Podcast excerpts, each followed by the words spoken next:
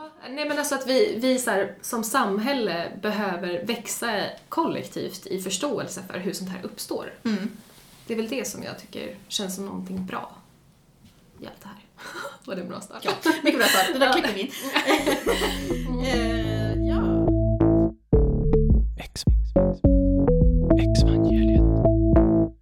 Jesus lever. Dina synder är förlåtna.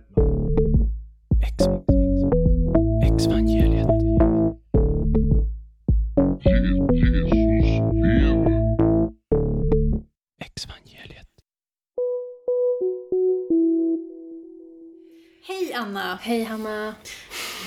Idag är vi hos dig Ja, i din soffa. välkommen, välkommen. Tack! Idag ska vi eh, dela lite tankar kring Knutby. Precis. För att det är ju så att nu pågår ju den andra rättegångsomgången Mm. kring den kristna församlingen i Knutby. Ja. Och eh, det var ju, hur länge sedan var det den första, eh, när det hände, den första... 2004 va? Ja. Eller? Var det den du tänkte på? Ja, precis. Mm. Eh, Då det var eh, mord Ja. Och mordförsök. och mordförsök. Mm. Eh, Den här församlingen fortsatte ju finnas även efter den, den rättegången och så. Ehm, och eh, jag läste lite Expressen här. Mm. och de skriver att eh, efter, efter det mordet 2004 så uteslöts Knutby från, faktiskt från Philadelphia. Ja, Philadelphia, det var ju en Philadelphia-kyrka. Ja, Och de fick inte, vill inte kalla sig för det längre antar jag då. nej. Ehm, men eh, de fanns kvar som församling. Hur, nu får du upplysa mig Ja. här då. Alltså Philadelphia, är det en gren av pingströrelsen? Ja, eller? jag skulle säga det. Ja. känner jag faktiskt att jag har dålig koll också. Men, Mm. ehm, men ja, Ja. det var, de, de var ju liksom en pingstförsamling. Mm. Utgav de sig ju för att vara i alla fall. Mm.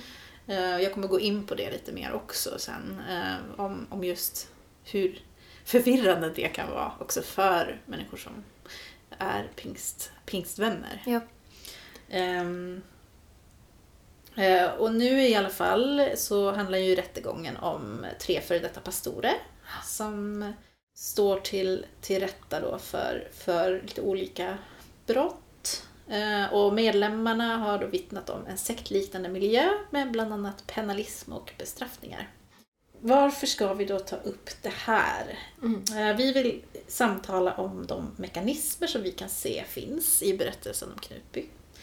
Och kanske våra reaktioner på alltihopa, för vi är ju inga experter så, och vi har inte heller varit, varit med i den församlingen eh, och har, liksom, har ju inte en egen erfarenhet på det sättet Mm. utifrån den församlingen. Men vi har väl båda upplevt att vi kan se att vi kan reflektera utifrån egna erfarenheter av det vi har hört om och, och ha koppl- kopplingar till våra egna upplevelser inom kyrkan. Ja.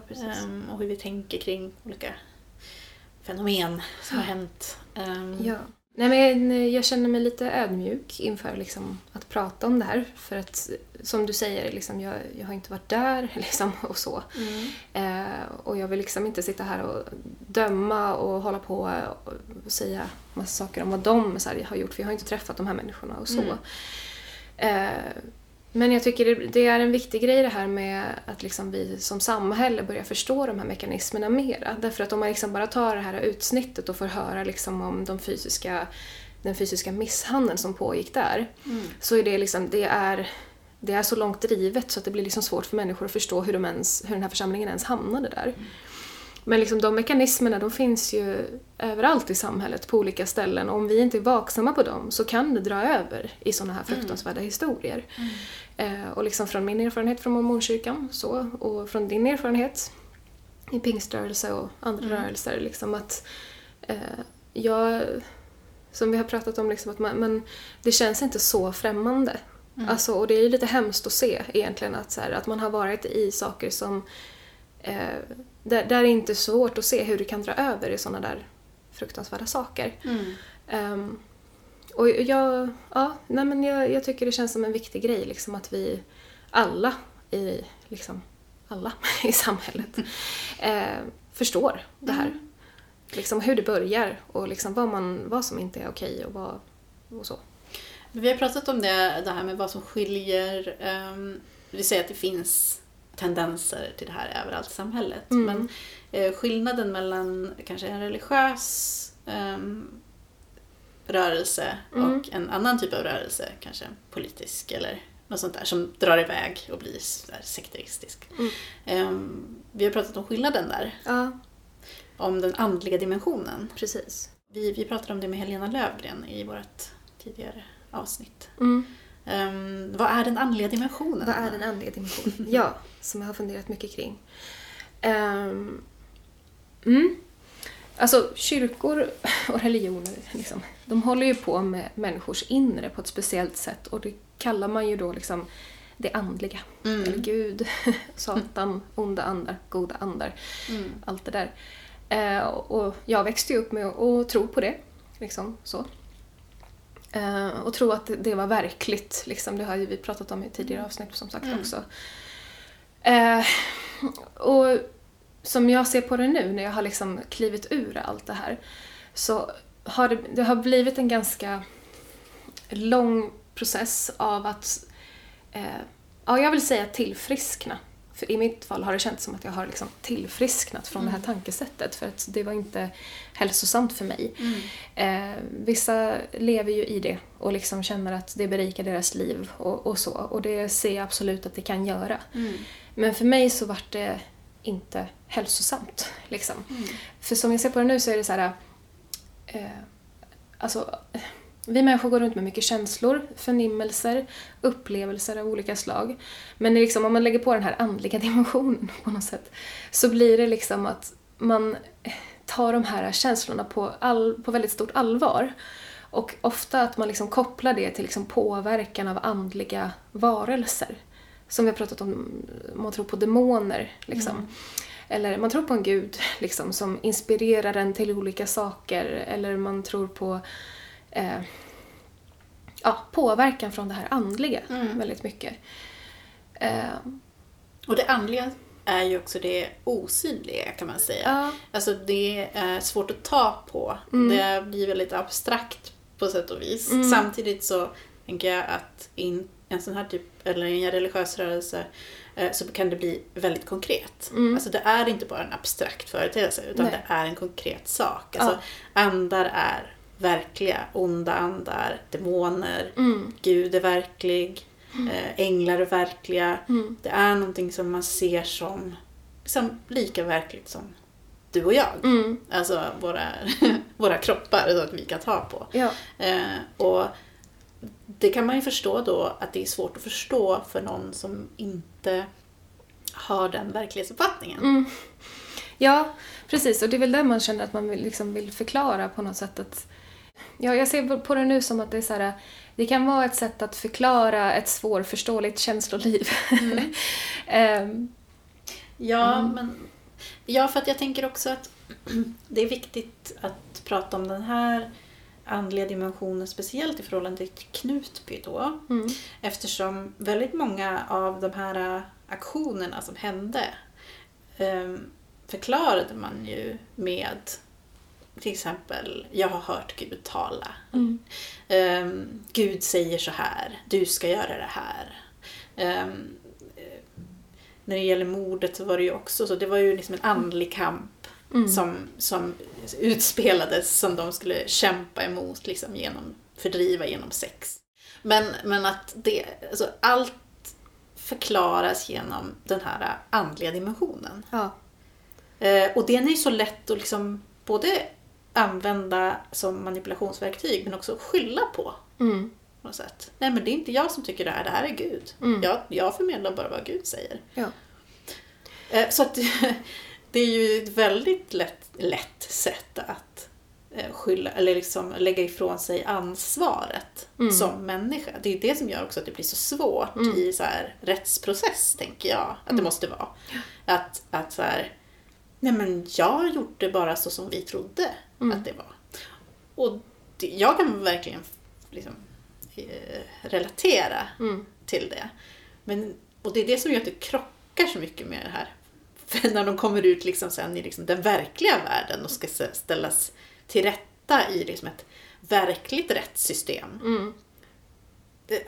Istället för att sitt, sin, sitt eget egna rättssystem som, som liksom, jag tänker att de hade i Knutby. Ja, och jag, jag har tänkt på det där begreppet som Helena Löfgren tog upp också med andlig våldtäkt. Eh, som är, låter hemskt, väldigt hemskt. Och det är ett starkt ord så, men jag, jag vill använda det ibland ändå för att de liksom rör upp känslor i människor. Eh, planterar känslor i människor kanske på olika sätt. Eh, genom liksom, eh, predikningar, religiösa riter, musik, sång, kulturuttryck. Eh, liksom får igång känslor i folk. Och sen så, eh, när människor är i den där känslan eller i det där tillståndet så kommer de och säger nu känner du så här, det betyder att Gud säger till dig. Liksom. Ehm, och så, liksom, det är det som jag skulle vilja kalla andlig våldtäkt. För, för mig har det känts så. Liksom att eh, jag blir utsatt för olika saker som rör upp saker i mig och sen så får jag en etikett och en förklaring på varför jag känner så. Och det är Gud som säger till mig att jag ska göra bla bla bla. Betala 10% i tionde av min inkomst, hålla kyskhetslagen, gå till kyrkan, liksom, göra si och så mot olika människor. Alltså att man blir så här, för att jag känner den här känslan som de placerar i mig, så fastnar jag också och blir liksom... Eh, Ja, alltså du fastnar ju liksom i ett förklarings, en förklaringsmodell. ja. Kanske. Eller att, att, eh, jag menar människan har ju liksom ett spektra av känslor. Mm. Och istället för att själv vara fri, att, att åh nu känner jag den här känslan, vad kan det bero på? Kan det vara det här? Kan det vara det här? Hmm, nej, men det är nog det här. Så istället för det så har du ju liksom en förklaringsmodell. Känner du till exempel så du är på, du är i, på ett möte som var väldigt vanligt hos oss då, att vi hade väldigt mycket lovsång. Mm. Och så känns det härligt. Det känns underbart och du är inne i den här känslan, du sträcker upp armarna mot luften och musiken bara liksom flödar genom luften och du känner den helige ande. Mm. Blir ju då förklaringen. Ja. Den helige ande är här, han är närvarande. Det, det är därför det känns så här bra. Du kan ju upp, uppnå en liknande känsla i, i ett annat sammanhang. Eh, och då blir det ju svårare att förklara det som att den helige ande är närvarande. Mm. Men vad är det då som känns? Och hur vet man att det är den helige ande när man är på ett bönemöte? Alltså det är ju liksom ingenting som, som man kan liksom bevisa. Utan det, det är ju det som man får förklarat för en. Eh, om du hör en röst i ditt bakhuvud och du har lärt dig att eh, ehm, Gud kan tala till dig. Alltså, djävulen kan tala till dig. Du, alltså, du tolkar ju allting utifrån ett specifikt tolkningsmönster. Alltså, det det tänker jag är en typ av andlig, kanske andlig, kanske det du menar då? Att man inte har friheten att själv eh, tolka sina egna känslor. Ja, eller mm, precis. Eller, ja, bland annat då det andlig kanske. Det är ju svårt begrepp, andlig våldtäkt. Det är ju Mm. proppat fullt med massa tankar Ja. och känslor. Men, Ja, jag, jag, jag tycker att det handlar om liksom att ta sig in i folk och liksom Hullingar är ju ett begrepp som, vi, som jag har använt, liksom, att man placerar hullingar i folk. Liksom, att det är så här, när du känner så här, då måste du göra så. Eh, och som jag sa någon gång, liksom, att jag i min process har behövt avlegitimera min ångest. Liksom, för att jag har fått förklarat liksom, att om jag känner svåra känslor så betyder det att Satan är här. Liksom, Eller att Gud visar mig något tecken att jag är på fel väg eller något sånt där. Men att det snarare kan handla om så här att ångest är en kroppslig reaktion på att du är under stress på något sätt.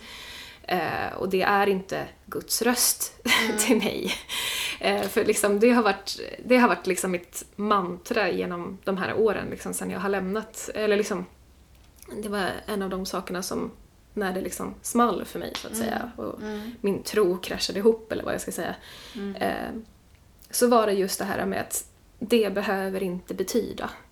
För jag hade liksom fått höra så mycket så här, känner du så här så betyder det att. Eh, upplever du det här så betyder det att. Liksom att någon annan hela tiden var inne och tolkade mina känslor. Eh, men liksom, det behöver inte betyda. Ja, jag kan fortfarande få den där känslan av anden inom citationstecken om jag går in på ett mormonmöte. liksom. För att jag är så präglad och skolad i vad det är jag ska uppleva där och liksom att de här känslorna som det väcker i mig är kopplade till Guds närvaro på något sätt. Och, och jag kan liksom, om jag ser någon videoklipp på Youtube liksom från mormonkyrkan och så, så får jag den känslan. Ja, men det behöver inte betyda att det är Gud som talar till mig. Eh, så ser jag på det nu. Och då hör jag ju liksom alla de här troende rösterna liksom att ah, jag förhårdar mitt hjärta gentemot Gud och jag är styvnackad, som det står i Bibeln. Och jag liksom, eh, ja, har låtit Satan få grepp om mina känslor och, och allt det där, att det är så himla skammat. Men liksom för, för mig så går det inte ihop ifall det är Gud som, säger, liksom, som är närvarande. Jag får liksom inte ihop eh, resonemangen och verklighetsbilden ifall jag förklarar den känslan med att det är Gud. Och därför så gör jag inte det längre. Exvangeliet. Kan vi kriminalisera sekter och religion? Vad säger du om det? Mm, precis. Vad är dina tankar? Vad är mina tankar? Nej, jag fick väl lite tankar från Håkan Järvå, pratade i Ja. SVDs ledarredaktionen, Mm. podden. Ja, just det, podden där ja. Mm. Aha. Nej, men för de tog upp just det, bara, man, skulle man kunna kriminalisera sånt här? Och sa han så här, nej men det är lite som att kriminalisera kärleksförhållanden. Ja. Eh, För jag tycker den jämförelsen är ganska bra faktiskt. Mm. Att det, är så här, det är samma mekanismer i destruktiva förhållanden som i sina destruktiva sekter. Och liksom alla sekter eller religioner behöver inte vara skadliga för människor. Nej. Men det finns ju verkligen gränsfall och så ibland, liksom, alltså som vi har pratat om, att det finns en glidande skala över till liksom det här extrema fallet som vi har med Knutby. Liksom. Ja, men jag tänker att det blir så svårt då, för jag menar, alltså, det finns ju, alltså misshandel är ju liksom kriminellt. Ja, ja. Eh, Men jag tänker liksom så psykologisk Ja. misshandel, eller psykisk misshandel, jag vet inte vad man säger, men alltså det är ju så mycket svårare att Mm. ehm, både bevisa och, och liksom, eh, definiera liksom ens vad det är. Alltså, hur, ja, hur gör man det? Ja, alltså jag tyckte det var väldigt, när man, på SVT så var ju, när de var där utanför rättssalen och liksom pratade med hon Anna Lindman. Och liksom, det känns ju så, som hon sa, liksom, det är väldigt lite av sånt här som svenska rättsväsendet kan ta hand om. Exakt. Det känns så bisarrt liksom, med människor här som har varit sjukskrivna för PTSD liksom, i två år, pratar de om. Eh, Efter det här. Och så är de nere på, liksom, pratar om ett blåmärke de fick 2015. Liksom, Och det kan man döma om. Ja, precis. Man dömer det fysiska, men Ja. inte det psykiska. Ja, Ja, det är ju jättesvårt och det är ju även som, alltså, i, i relationer, alltså Mm. rela- relationer Ja. överlag. Det måste vara supersvårt att, liksom, att döma Ja. det. Jag tycker det är intressant för Centerpartiet gick ut med i somras. Mm. Eh, De pratade om det här med att de vill utreda om man skulle kunna kriminalisera kontrollerande beteenden. Och då pratade de just om liksom destruktiva förhållanden, om kvinnor som låses inne liksom av sina Mm. män Mm. till exempel. Eller det kan vara ju tvärt, alltså män ja, som låses in av sina kvinnor Mm. också. På olika sätt med att de liksom börjar kontrollera deras ekonomi, man börjar liksom begränsa hur de umgås med sina familjer. Eh, alltså det finns ju ett liksom gäng sådana här typiska Ja. grejer som börjar ske, liksom, som börjar vara upptrappningen till att det kanske också blir fysiskt våld så småningom. Mm. Eh, Jag tycker den tanken är väldigt spännande. Liksom så här, kan vi komma fram till någon slags samförstånd i samhället eh, om att så här, när du börjar vara inne och kontrollera på det här och det här och det här sättet så slutar det vara okej. Mm. För att vi får klassa det som psykisk misshandel. Men Liksom. man skulle kanske, alltså det vore intressant om någon skulle kunna hitta just verktyg för att kunna eh, utreda Mm. sådana typer av eh, situationer. Ja, för jag, tycker, liksom, Jag vet inte hur man skulle kunna göra det, men, men eh, När man liksom är inne och håller på att försöka knäcka folk, liksom knäcka folks självkänsla för att Mm. de ska vara starkare bundna till dig. mm, så, så att de är beroende av dig och du utnyttjar dem. Mm. Liksom, det är just den där, mm, liksom, som sker både i sekter och destruktiva kärleksförhållanden Mm. och äh, liksom, andra familjer, olika Mm. relationer överhuvudtaget. Liksom. Eh, Just den mekanismen känns som att vi kanske är redo att titta mycket närmare på ja, som samhälle. verkligen. Exvangeliet. Jag skulle vilja gå in på, på det här eh, också just det här som jag sa i början att, att det var en Philadelphia-församling och att eh, Knutby är, var i alla fall, eh, som grund en, en frikyrka, pingstförsamling, eh, som hade väldigt många element som jag kan känna igen mig i. Mm. Eh, och Joel Halldorf, eh, som är teolog och pingstvän, Mm. eh, skrev i Expressen den 14 januari en artikel med rubriken Knutby är förvirrande för oss pingstvänner. Och jag kan förstå vad han skriver. Jag kommer inte gå in så mycket på artikeln men det är inte bara jag som har tänkt på det såklart. Utan det är, ehm, när jag har... Jag minns när allt det här hände så minns jag att, jag, att det, det var sån skandal och folk pratade om det. Så här, oj, oj, oj, oj. Och jag kände lite så här, men då, de är väl bara en vanlig... De verkar ju bara vara en vanlig, vanlig pingstförsamling. En frikyrkoförsamling som jag var med i. Eh, för man kände igen lovsångerna, man kände igen sättet att predika på. Kanske inte allt liksom, innehållet i predikan, men alltså tendenser. Liksom, så, eh, tonen, liksom, kan man säga. Eh, och, det, och jag kände liksom, ja, nej, men jag skulle kunna ha varit med där. Ja. För mig var det, var det inte så konstigt egentligen. Sen har man ju hört i efterhand om alla de här, kanske att teologin då har liksom förvridits och blivit så här konstigt. Men jag menar orden, alltså Kristi brud, alltså det är inte, så, det är inte liksom ett... Det, det är ändå någonting som jag skulle kunna känna igen. Alltså, eh, eh, då. Men, eh, och jag, jag läste nyligen en Jonas Bonniers fiktiva bok om Knutby som har kommit ut ganska nyligen. Och em, jag läste en, en sekvens där som handlade om när eh, barnflickan och möter då den här kvinnliga ledaren som är ute på turné och ska Just så här, eh, värva folk då, Mm. antar jag. Och då möter hon henne på en bibelskola. Och eh, en bibelskola som jag för övrigt känner folk som har gått på. Mm. Ehm, och då, berätt, då ska det stå det i boken där om hur den kvinnliga ledaren går fram till barnflickan och säger till henne, typ, du ska komma med till Knutby. Mm. Du är liksom utvald. Du, du ska göra stora grejer för Gud. Ja. Och jag blev väldigt berörd av den här delen för att jag kunde identifiera mig själv väldigt Mm. mycket i barnflickan. Den här känslan av att när man är i liksom 19-20 års åldern Mm. vilja bli sedd, vilja liksom höra att man är utvald, att Gud har tänkt stora saker för en. Alltså det var ju allt jag ville på den tiden. Jag ville liksom, jag har lärt mig från när jag var liten att Gud har en plan för mitt liv. Mm. Och det är ju Alltså att någon då kommer och tittar på en med genomträngande eh, blick Mm. och liksom säger Du ska följa med, jag vet vad Gud vill för dig. Ja. Alltså jag hade älskat det. Jag hade lugnt gått igång på det och bara äntligen, det här är ett tecken från Gud. Ja. Så att jag kan ju inte alls bli förvånad om jag också hade varit en del av Knutby. Nej. Och det skäms inte jag för att säga. Nej.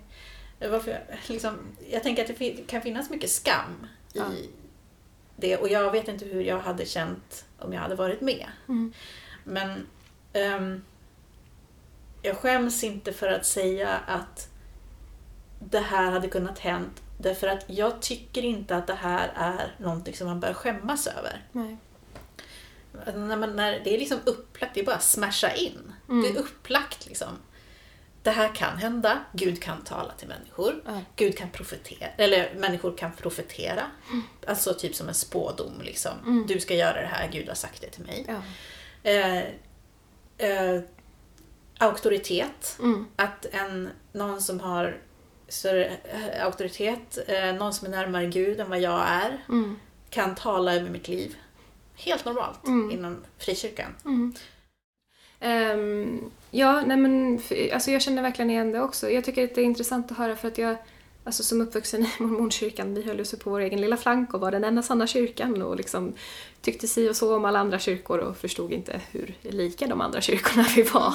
Ja, Alltså det är väldigt, samma ja precis. Alltså det är intressant liksom att såhär, eh, för liksom pingstkulturen som sådan känns ganska främmande för mig men jag känner igen alla de här grejerna liksom. Mm. Och jag minns tillbaka till en eh, erfarenhet jag hade när jag var, jag tror att jag var 15 år. Eh, liksom, men just det här med när, kontakten med den andliga världen på något sätt, när det liksom slår över och blir någonting jobbigt och hemskt och farligt faktiskt. Eh, vi hade varit på en eh, ungdomskonferens. Eh, Mormonkyrkan anordnar ungdomskonferenser två gånger per år. Eh, med antingen alla från Sverige eller alla från hela Norden och sådär. Och jag älskade att åka på de där. Liksom, vi var ju vänner som sågs två gånger per år då liksom, och kom tillsammans och hade jättekul, liksom, tre, fyra dagar. Eh, vart ju oftast några dagar med lite mindre sömn, väldigt mycket intryck, väldigt intensivt och liksom på det möte, andliga möten och liksom ja, sånt där. Så det, det har varit en väldigt så, intensiv upplevelse. Eh, och så hade jag en vän där då som sista dagen på en av de här konferenserna ehm, kom till mig och min bästa vän och liksom eh, berättade att han hade som hört Guds röst eller så. Och att han hade fått ett val om han kunde liksom... Eh, han har fått ett val att välja om han skulle få gå hem nu då, eller helt enkelt dö. Eller fortsätta sitt liv, liksom. Ehm, och vi, alltså så här, för en sekulariserad person så är det ju där eh, ett, en psykos, liksom. Men för oss som var i det där, liksom när Gud kan tala till dig och när de här känslorna, förnimmelserna är på riktigt och påverkan av liksom den andliga dimensionen. Vi gick ju på det där. Alltså vi trodde ju på honom. Vi trodde på honom fullt ut. Liksom. Och det vart en eh, känslomässig berg och dalbana, torktumlare under ett, två dygn där vi liksom, vi åkte ju hem från den här konferensen och vi hade kontakt på telefon och vi grät och vi var liksom helt upprivna i det här. Liksom, han skulle dö, bad honom hälsa våra döda släktingar. Liksom. Alltså det var, det var en fruktansvärd upplevelse. Eh, och sen så till slut så ringde min kompis sin mamma som ringde hans föräldrar och så fick han psykiatrisk vård på något sätt då, för att han hade, ja, han hade gått in i en psykos. Liksom. Eh, men liksom bara så här att eh, det, det, kan, det kan bli sådana där saker i de här sammanhangen när man har liksom, när man legitimerar de här eh, förnimmelserna och känslorna på det här andliga sättet, så att säga. Och jag, liksom, så jag, jag tittar på Knutby liksom, och förstår också hur människor hamnar där när man liksom går runt i den verklighetsförklaringen. Liksom. Ja, Det ja. känns inte främmande för mig heller. Nej. Nej, och där var det ju också mycket tal om döden. Att gå hem. Ja. Att det gjordes till någonting så här normalt Ja. att prata om att gå hem. Mm. Det kan ju vara ganska brutala grejer. Jag vet det var någon predikan som handlade om att sätta, sätta en kula i huvudet. Alltså så här, Ja. verkligen så här uh, over the top liksom. Mm. Men jag menar själva grunden ändå kan jag förstå fanns där för att även jag är uppväxt i, i att man talade om, om döden som att komma hem. Alltså i så gamla läsarsånger och sånt där som det kallas för. Alltså mycket så här tal om att vi är liksom bara gäster här på jorden. Alltså vi, vi ska få komma hem till våran, till våran Gud, i, fader i himlen Ja. och våran bror Jesus. Liksom och sånt där. Så att, alltså, det är ju inte alls främmande. Mm. Alltså, vi ska ha ett avsnitt om döden här framöver också. Mm. Alltså, för att eh, eh, det, det är ett jätteintressant ämne att prata om. Mm. Men att det, det är också någonting som är helt egentligen ganska naturligt att prata om, tänker jag, inom, inom där jag kommer ifrån i alla fall. Ja. Ja, precis. Just det här att man avdramatiserar döden så mycket. Liksom, att det är bara ett steg till liksom, nästa tillvaro. Ja, det, och även det här med sista tiden. Alltså att, det, att vi lever i den sista tiden. Det är ju Ja. också... Alltså, det kan jag höra ibland så här, ja men Knutby var en så här apokalyp, apokalyptisk församling. Man säga så? Jag liksom hade den här tanken om att vi lever i den sista tiden. Och jag menar, det har jag vetat sedan vi var små. Att, sen jag var liten liksom, fick jag höra det. Att det snart kommer uppryckandet och då kommer liksom... Mm.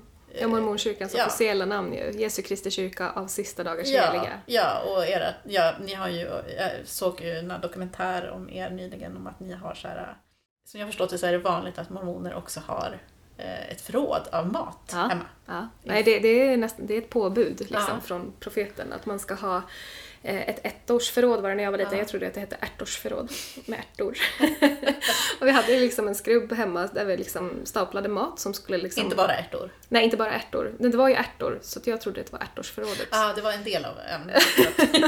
Med liksom torrvaror, torrmjölk och honung och allt vad det var. Så att man skulle kunna överleva ett helt år om liksom tiderna Ja. blev sämre. ja. Eh, Eller apokalypsen kom, eller något sånt där. Men det är så intressant tycker jag det där, för att det där var ju jätteverkligt då när jag var liten. Ja. Mm. Men jag menar som nu, idag, när det är- också är så klimatprat. Ja. Och så.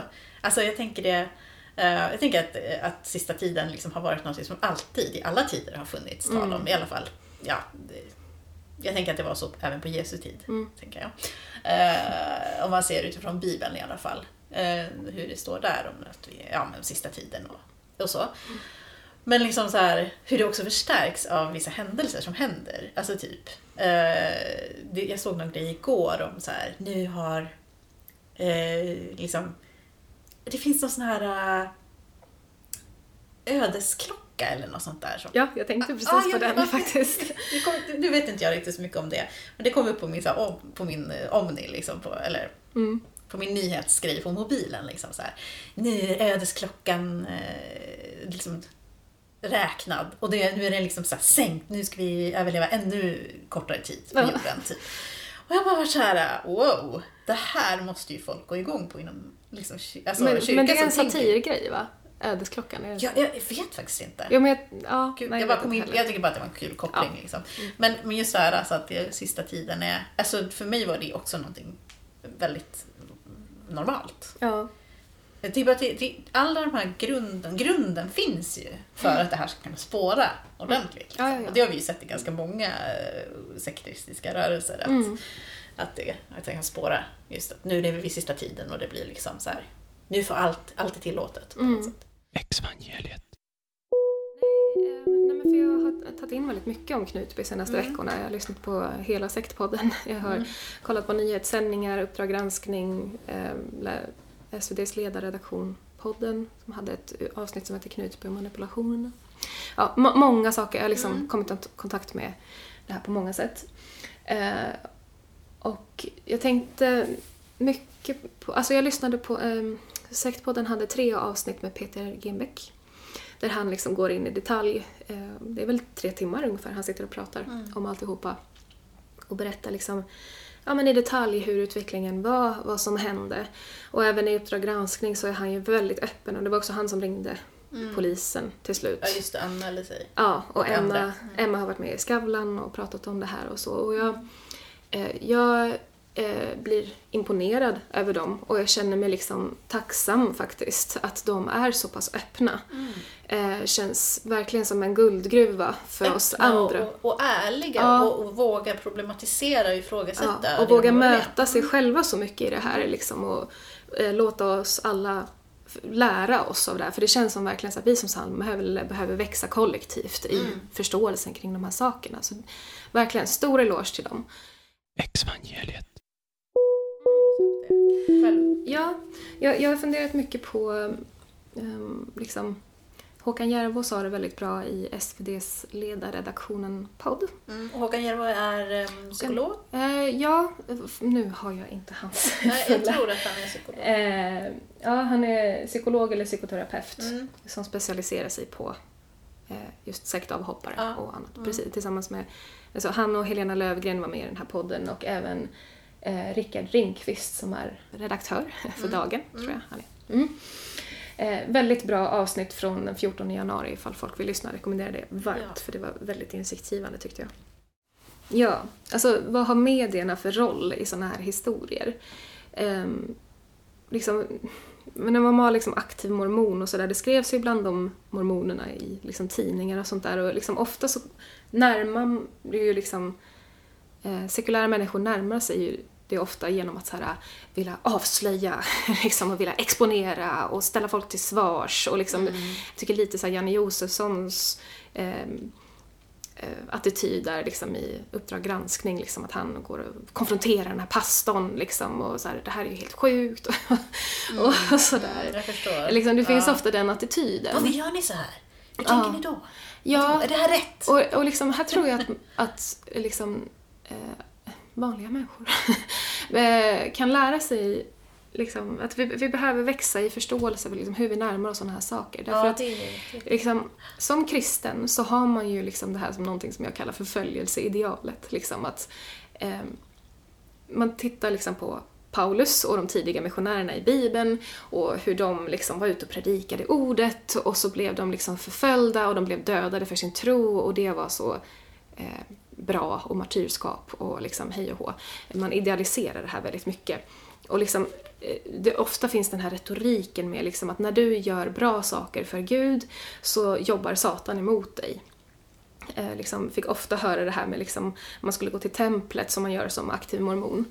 Eh, som liksom anses som det viktigaste arbetet du gör för Gud. Liksom att om du är på väg dit så blir det ofta så att liksom vardagspusslet får svårt att gå ihop. Saker kommer dyka upp men det är viktigt att du liksom håller fast och fortsätter med din plan och går till templet för det är det som Gud vill och liksom allt som går dig emot är liksom bara tecken för dig på att Satan jobbar emot dig och att du håller på med viktiga saker för Gud. Och det var ju liksom lite samma känsla då när det liksom kom en ny nyhetsartikel om mormonerna och liksom vi blev ansatta på något sätt. Och liksom att det blev så här, ah, det var bara ytterligare ett tecken för oss att Satan är ute efter oss. Och liksom det sluter oss bara samman ännu mer, bara kittar ihop oss ännu mer. Och det pratade ju de i Knutby om också, liksom att efter mordet där 2004 så liksom anstormade alla medier bara, och journalister, den här byn och skulle ställa dem till svars och liksom vilja exponera och sådär. Och liksom hur det bara blev att de slöt samman ännu mer. Försvarade sin grupp, eh, gick i försvar, eh, liksom sådär. Det, det är liksom eh, det är inte ett fruktsamt sätt att liksom komma till rätta med de här problemen. Liksom, för vad vill man Alltså, vad är det medierna vill med det här? Vill de skapa sensation? Vill de sälja lösnummer? liksom? Eller vill vi faktiskt hjälpa människor? Exvangeliet. Var den långtråden? Nej men äh, jätteintressant och jag, äh, angående det här med förföljelseidealet, jag kan ju känna igen det jättemycket också. Och Ja. även det här med liksom, att vara ansatt av, av liksom, djävulens attack. Liksom. Ja, det där som Det- du berättade om när de skriver om i, i Dagen Ja, till exempel. jag tänker liksom, jag, jag följer ju väldigt mycket kristna medier och sådär. Mm. eh, och eh, jag märker ju, eh, har märkt, eh, alltså när, man, när det har varit så här mycket debatt om, om religions... ehm, ja men till exempel eh, religiösa friskolor eller eh, omskärelse av pojkar och sådär. Mm. Eh, så, så finns det också en, en reaktion i kristna medier Mm. eh, som jag tycker påminner väldigt mycket om eh, en typ av religiös förföljelse. Mm. Alltså nu är religionsfriheten hotad och ja, men mycket sån där typ av Ja. retorik som jag eh, kan tycka att man faktiskt kan fundera lite på hur man uttrycker sig även inom kristen media. För att, Mm. alltså, jag, menar, jag tycker det är jätteviktigt att värna om religionsfrihet. Mm. Men jag tror att just när det blir inom en specifik eh, liksom, eh, kristna är den mest förföljda gruppen i hela världen, alltså Mm. sådana saker. Och det är hemskt Mm. att det ska behöva vara så att människor blir förföljda för en tro. Mm. Alltså, det är ju inte bara kristna som blir förföljda, det är ateister, eh, det är muslimer och så vidare. och så vidare. Mm. Eh, Men att det blir så otroligt vinklat utifrån sin egna grupp. Mm. Alltså, kristna är de mest förföljda. Eller liksom... Det, vi behöver, det behöver vägas upp. Liksom. Alltså, det är klart att kristen media skriver om att kristna blir förföljda. Mm. Men, Ja. men det finns där liksom... Är de mest förföljda? Ja, ja är har jag de ingen statistik på. till och med. Och, och liksom, jag menar, människor blir förföljda ö- över hela världen, det är hemskt. Ja. Men ja, Mm. det, det vi som är uppväxta i en sån typ av miljö Mm. kan också känna igen Mm. förföljelseidealet. Mm. Att eh, gör du någonting rätt och du blir ansatt så är det någonting ont. Mm. Som, alltså då är det den onda makten Ja. som vill dig illa. Ja. Och det är någonting helt normalt att prata om i den där världen. Liksom. Mm. Det känner jag igen jättemycket. Alltså djävulen är ju en realitet. Den onde är realitet. Så är det bara i den världen. Mm. Och det, va, Mm. det är lätt att använda den retoriken då. Mm. Det, jag tycker, eh, det var som Helena Löfgren pratade om där i vårt första avsnitt den här säsongen. Hon pratade om det här sorteringsarbetet som är så viktigt. Och jag, jag tycker att det är viktigt, alltså även om man är eh, kvar i liksom en kristen eh, miljö eller tradition och så. Mm. Att det är så här, det finns så många bitar i en religion. Eh, och man måste vara tillåten att kritisera Mm. vissa bitar utan att för den skulle behöva slänga bort hela paketet. Mm. För att om jag kritiserar vissa saker i mormonkyrkan som, som jag gör genom att prata här och på andra sätt eh, så betyder inte det liksom att jag eh, vill liksom angripa deras religionsfrihet eller har åsikter om huruvida de ber till sin gud på sin kammare för sig själv. Alltså så här, det är här, för mig får du gärna ha en tro. För mig får du gärna ha en gud liksom, att använda i din inre process. Det är, liksom, det, det är, inte, det är någonting som är högst privat för dig. Eh, och det, är liksom, det är ingenting som jag ens tycker att folk ska vara inne och peta i. Men liksom, till exempel de här sakerna som jag har pratat om med värdighetsintervjuerna inom mormonkyrkan eller tionde liksom, som jag kritiserar mormonkyrkan för, för att de har inte eh, öppen bokföring. Liksom. De redovisar inte sina resultat. Det är ingen som vet var pengarna går. Det har kommit läckor och sådär så att man kan förstå. men, eh, men liksom gemene man i mormonkyrkan betalar massor med pengar och det är ingen som vet vad som görs med de där pengarna. Det får man inte veta och det får man inte ifrågasätta. Nej, det enda som man vet är att det står i Bibeln att du ska betala Du ska tionde. betala tionde och du ska liksom lita på den ledare och du ska liksom inte... Ja, just det. Alla de där grejerna. Ja, du ska inte ifrågasätta för att det du måste lita på att det här är Guds eh, män och sådär som gör Det- ja. Och liksom så här, och så om jag kritiserar de sakerna Ja. så liksom, bara för att jag gör det så är inte jag liksom antimormon som de säger. Liksom. Nej, De, de målar ju upp de här avfallna som pratar emot kyrkan. Ja, de var antimormonpropaganda som de för vidare och liksom det är bara... Och så liksom avfärdar man allt som de säger Mm. bara för att man inte får ha hela sitt paket med religion. Liksom.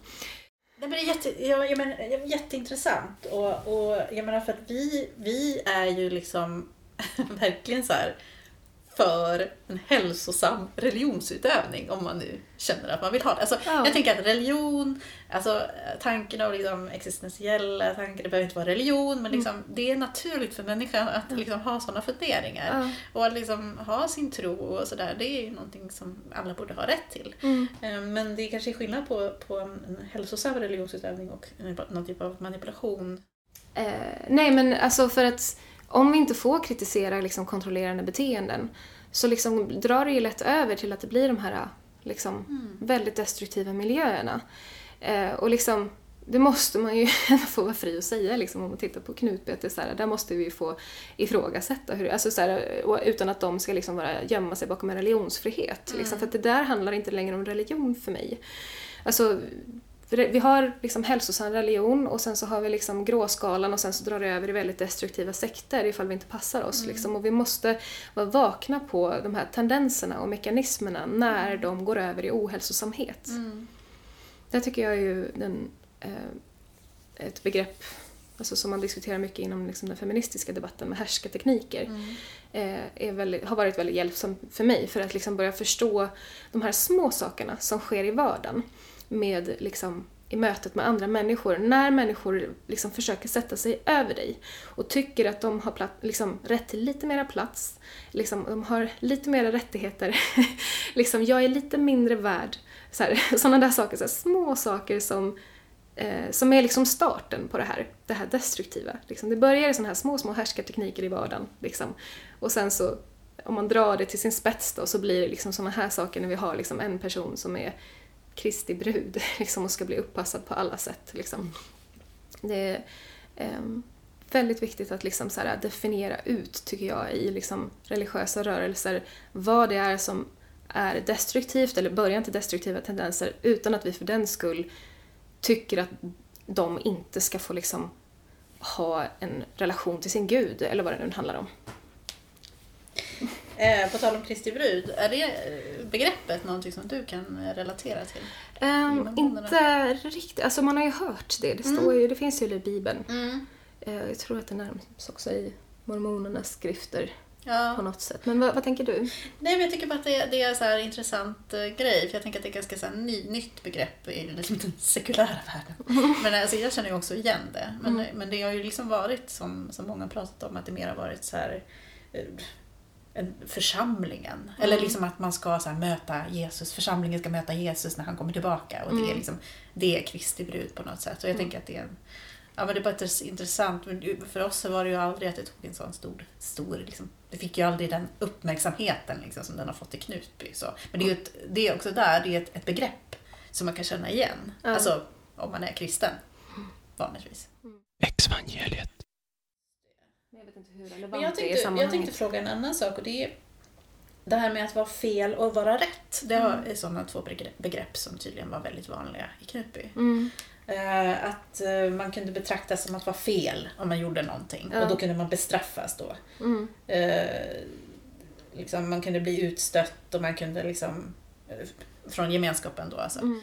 Kan, du, kan du relatera till det? Att vara fel och rätt? Att vara rätt liksom, från dina upplevelser? Ja, alltså det där verkar ha Mm. varit en väldigt um, uh, vri, alltså så här, väldigt skev uppfattning av det där.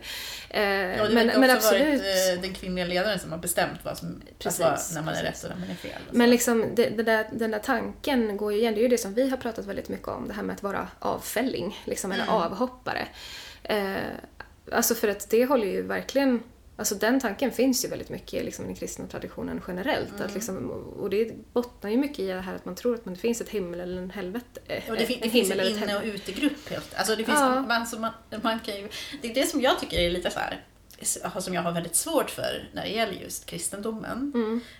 Eh, och många andra religioner. Men den här liksom att Alltså oavsett om man vrider och vänder på det Ja. så känns det ändå som att det finns en inne och en utegrupp. Alltså, ja. Men det alltså- finns ju några som ska till himlen och några som ska till helvetet. liksom. Ja, och det, det är svårt att komma ifrån. Alltså visst, man kan prata om det på många olika sätt och ha finare ord och mjukare ord och sådär. Mm. Men jag har ju jättesvårt att komma ifrån den, den liksom eh, den. Och det, för mig blir det ju att vara rätt eller att vara fel. Men även liksom att man kan vara fel genom att liksom man, ja, men man lever inte som man ska. Alltså Mm. du kan eh, leva i ett samboförhållande och det får man inte göra. Det är fel och du får inte vara liksom, nu vet Mm. inte jag hur församlingar gör men jag, jag hade känt mig väldigt fel om jag Mm. hade, nu levde ju jag i och för sig i ett samboförhållande när jag var Men liksom Mm. under viss, alltså absolut att det alltså vissa kunde det vara liksom ses på med enormt liksom så här. Hur, tänker du, hur tänker du nu? Mm. Hur tänker du? Alltså du lever i ett samboförhållande och du är inte gift. Ja, Liksom, alltså- det, det, hur tänker du? Det, det är inte okej. Det är fel liksom. Eller att det rätta då var ju då att man ska gifta sig, helst inte ha sex innan man gifter sig och man ska, alltså liksom, det finns inte rätt, det fanns absolut ett rätt sätt att liksom Ja, leva sitt liv på. Och ett fel sätt. Sen bör man kanske inte så straffad, liksom. men, men det finns en grund Mm. i att man har ett rätt och fel tänk. I mormonkyrkan så är det ju där väldigt mycket mer uttalat. Um, Just det, för ni har ju... ja, uteslutningsprocesser har de. Just det, och det här med att man ska liksom bot, botgöra lite. Ja, att man ska man liksom genomgå omvändelseprocesser tillsammans med sin liksom andliga ledare då, eller Just liksom det. biskopen och församlingsledaren. Mm. Eh, och liksom det är väl det som är en av de sektliknande grejerna inom mormonkyrkan. Det har varit mycket så här, är mormonkyrkan en sekt eller inte? Eh, och jag vill förtydliga vad jag sa i tidigare avsnitt någon gång när jag sa att mormonkyrkan är en snäll sekt. eh, och med det så menar jag inte att mormonkyrkan är snäll, men att de här sektliknande dragen känns som av en väldigt så snäll variant. Men sen så tycker jag absolut inte att de är snälla på något sätt och jag vänder mig emot väldigt mycket av det. Men liksom en av de här sektliknande grejerna i mormonkyrkan är ju det här med att det finns ju liksom man ser sig själv som en utvald elit som har den enda sanningen. Liksom, och det är vi som, och lever du så här och så här och så här så är du rätt, ja eller rättfärdig, värdig himlen. Liksom. Och gör du något fel så måste du liksom på olika sätt ta, göra bot, eller liksom eh, omvända dig och liksom bli rätt igen. Och klarar du inte det så har de, eh, som de pratade om i Knutby också, liksom ett internt rättssystem eh, där de samlas liksom många ledare och eh, dömer personen och kan döma en person till uteslutning ur organisationen. Ehm, vilket är en ganska fruktansvärd process, tycker jag nu. Ehm, ja, så det, det är verkligen också det där, där att vara rätt eller vara fel. Det är liksom inte en främmande... Alltså inom frikyrkan eh, tyckte jag det var mer, alltså det fanns, det, det var mer så outtalat. Mm. Eller både uttalat och outtalat. Men mycket mindre så här, alltså och gör du så här så får du den här påföljden. Mm. Utan mer så här, det lades mer på personen tycker jag. Att ja men du vet ju vad som är rätt egentligen. Mm. Så det är ju upp till dig då att göra de här rätta valen. Mm. Så att mycket mer så här subtil in, in, inom, inomvärtesprocess. Ja. Eller jag ska säga. Att, ja, men mycket ansvar på den enskilda personen. Mm. Att liksom, man, ja, men, läser du Bibeln så ser du ju liksom att det är så här du ska leva. Mm. Och så, om du inte väljer att göra det, jag menar, då, du, då, då har du ju valt fel väg. Liksom. Mm. Men det fanns inte det där liksom, som säger så här, du har en, den här månaden måste du göra det här och det här och det här Ja. för att liksom komma tillbaka till det här Mm. rätta då. Så det fanns ju inte. Men den här- en- den här underliggande psykologiska processen kan ju vara också väldigt eh, destruktiv för en person. Ja, det är väl det som jag känner lätt drar över i det här skadliga då. Liksom, Att man så här, eh, ja, men man, man liksom får en sån inre kamp. Liksom, att så här, lägga band på sig själv eller liksom jobba med sitt inre tills man liksom är rätt igen. Mm. Liksom det känns, ja, det kan väldigt lätt bli destruktivt för folk. Det har jag sett liksom i mitt eget liv och liksom Mm. folk runt omkring mig också. Liksom hur, ja, där behöver man verkligen vara vaken på eh, när det slutar vara hälsosamt. Mm. Liksom. Men eh, vi hoppas ju att, att eh, det här som händer nu liksom, med de här rättegångarna och, och att folk ändå öppnar sig och berättar om hur det har varit och är och, och liksom, deras egen process, att det kan få leda till någonting positivt Mm. eh, mitt i allt det här hemska och obehagliga. Så här. Ja. Men att, eh, jag, jag, jag lär mig ju väldigt mycket Ja, av det här. Liksom, och, och det, det är bra att vi får prata om det också. Alltså, att man kan koppla det liksom till ja, men, hur upplever vi det, vad har vad vi varit med om i våra liksom, Mm. rörelser och hur kan vi känna igen oss i mycket av det här och hur kan vi undvika att, att, det, blir, att det blir destruktivt, att det blir manipulativt eh, Mm. i så stor liksom, mån som möjligt. Ja. Nej, verkligen. Ja. ja, men tack för idag då. Tack Hanna. Trevligt. Detta lilla bonusavsnitt. Ja, Och eh, ja, ses snart igen. vi hörs. Exvangeliet.